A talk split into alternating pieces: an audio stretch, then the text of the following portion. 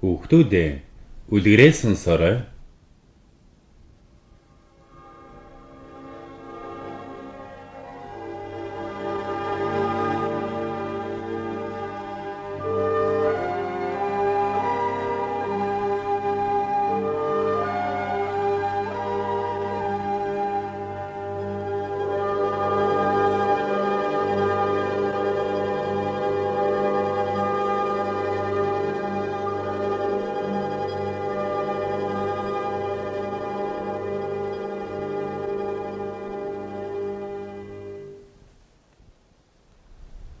Дунай нууц.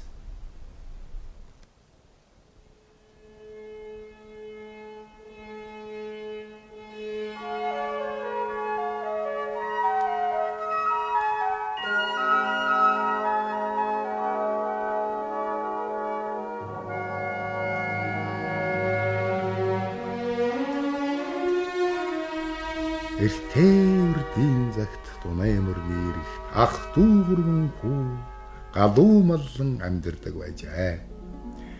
Энэ гурван хүү өнчин болохоор өдрийн ихэнхийг голын эрэгт өнгөрүүлдэг байж гинэ. Тэгээд тэнд байх таан Лусын хаантай танилцж тэдэнд Лусын хаан их юм зааж сургаж гинэ. Гурван хүү загасныг л сурч Лусын хаантай бүжиглэж хүртэл сурч гин шүү. Тэрч байтгаан дунайн усанд нуугд тоглож байжээ.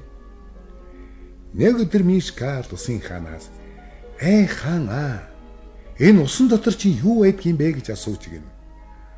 Хаан юу гэх вүлээ дэ хүүхэн? Тэнд их сайхан амар тайван салхи огт байхгүй, нар шарахгүй. Бас хүйтэн болдгүй юм тоос шорооч байхгүй гэж хариулж гин. Тэгтэн Мишка аа гүй тэгээд тэгвэл тэнд чи ямар нэгэн сонин хачин байдгийн байгаа байд дээ гэж дахин шалгааж гин.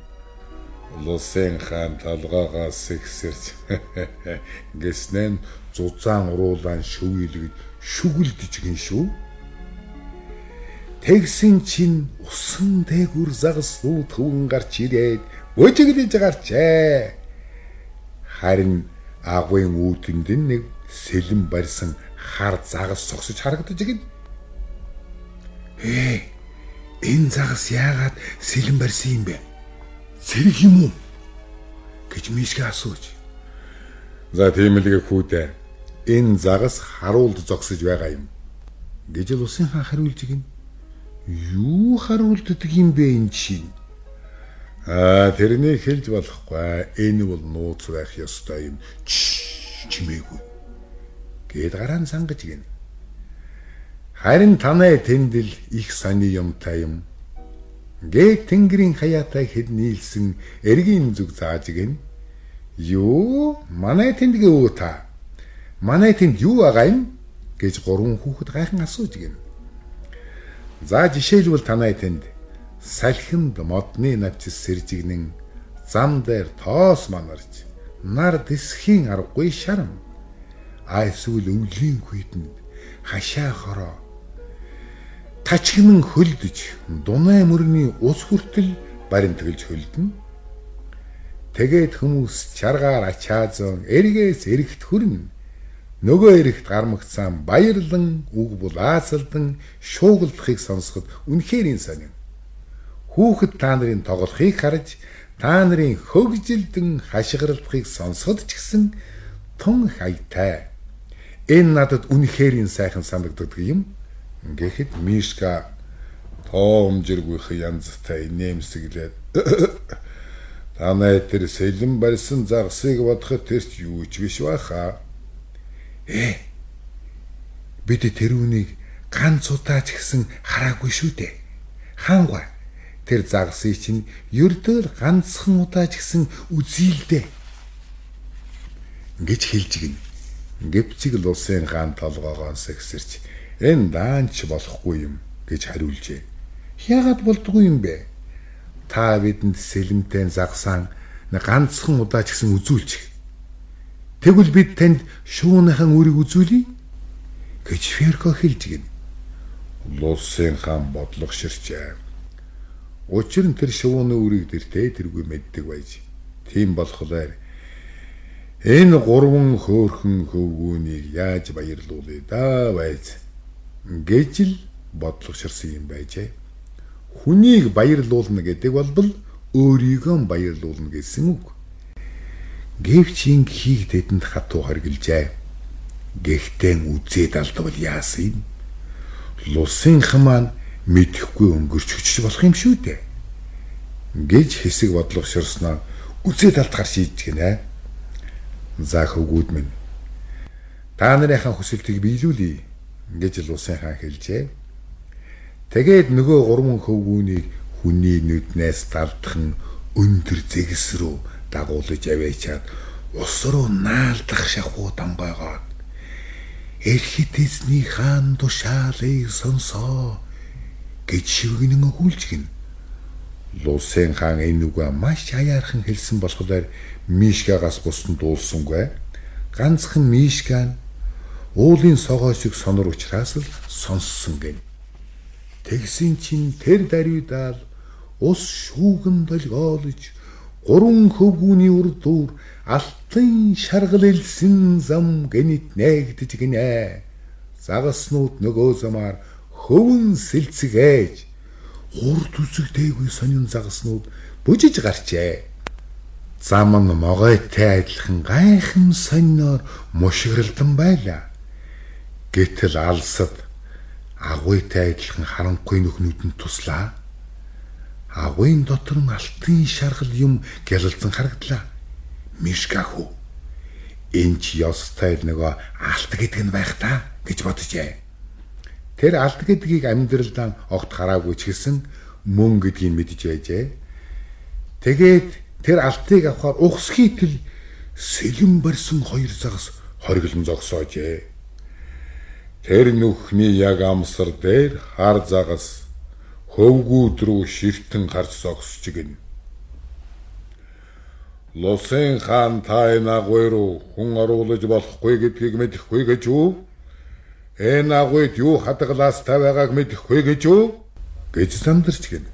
Тэгтэл Лусын хаан мэдхийн ч мэдлгүй дээ. Тэнд дунайн алтны сан хөмрөг байдгийг би мэднэ. Тэгвэл тэр алтыг хүмүүсд үзүүлж болохгүй гэдгийг та мэдэхгүй гэж юу? Мэднэ. Миний амт хөвгүүд загас чамайг чиний сэлмийг үзэх гэж ихэд хүссэн юм. Тэгээд л хүслийг биелүүлэх гэсэн маань эндэ гэхэд мөө тийм үү. Та энэ хөвгүүдийн санааг амраах гэж байгаа нэгээд харин тэдэнд үхэл мэлгэлж идэ. Гэхэд юу? Яагаад тэр үү? гэж Лусын хаан гайхан асуухад сагас яахад дээ? Тэд шидэт үгийг мэдэхгүй болохоор хизээж гисэн энэ дэр гэж ирэхгүй болно гэж гин. Сагас хөвгүүд рүү өрөвдсөн нүдээр харж тэгээд энэ бол эдэн дих завшаантай хэрэгээ Гэхдээ Лусын хаан та энэ бүгдийн төлөө хариуцлага хүлээх болно доо. Дөрөгхөн алга болцгоо гэж хэлээд сэлмэн зангаж гин.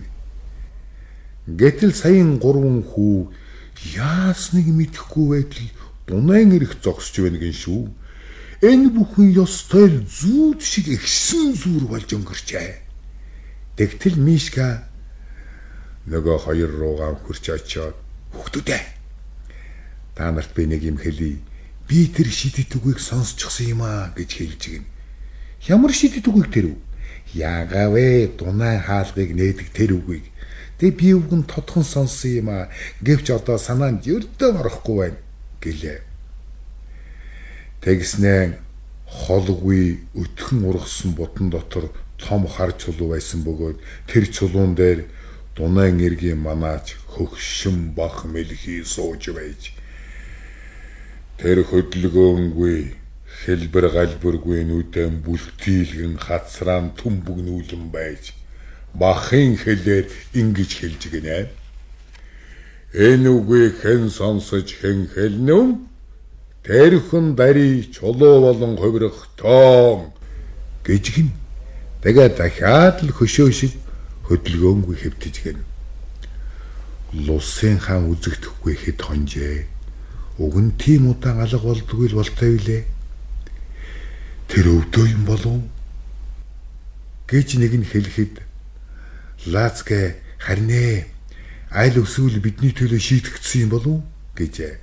Хэ хэдүүлэн тэрүн туслая. Үдсэн харсан зүйлээ хүндж хэлэхгүй гэж хар загсанд очиж хэлье гэж Ферка хэлжээ.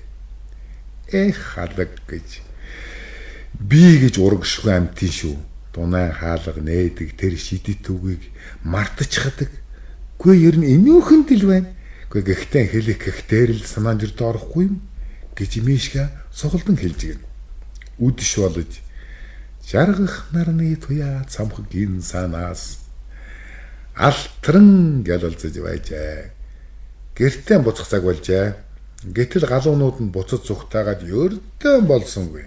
Тэгээд Мишка өдөрдөгч галууг нь арай хийж барьж аваад том чулуун дээр гарч зогсжээ. Өдөрдөгч галуу тийчлэж далавчаараа тэрүүний хацар нүрийг алгадаж гэн. Гэвч Мишка юу ч мэдээгүй юм шиг л зогсож байжээ. Тэгж байтал гэнтхэн ухаан санаан саруулхан гийгээд нөгөө шидэдэг санаанд нь орж гинэ. Тэгээд эрхэммисний хаан тушаалыг сонс гэж хэлээд амаанч хааж амжаагүй байтал Мишка хүү буул хар чулуу болчихж гэдээ. Ферка Ласка хоёрынч бас л буул хар чулуу болон хувирч гэн. Тэрч байдгаан тэдний арай хийж барьсан галуунч бас буул хар чулуу болон хувирчээ. Тэгээд тэр шидэт үгийг сонссон бүх амьд зүйлээс чулуу болж хувираад дунаан эрэхт эгнэхэд үлдэж Ингэж саяын дунай манааж хөгшин бах мэлхийн хэлсэн үг санс ёсоор болж гинэ. Ийхүү дунайн ус өөртөө хадгалан байгаа нууцыг хэндич үл дурсан мөнхийн голдор лорон урсаар л байжээ. Гэхдээ хүмүүс Дунайн тэр нууцыг айл хэдийн мэдсэн боловч Лусын хааныг одоо хүртэл үзээгүй гэдэг. Харин хүүхдүүдээ сая та нар Чехословакийн хүүхдийн Дунай нууц гэдэг үлгэр нөгөөлгийг сонслоо.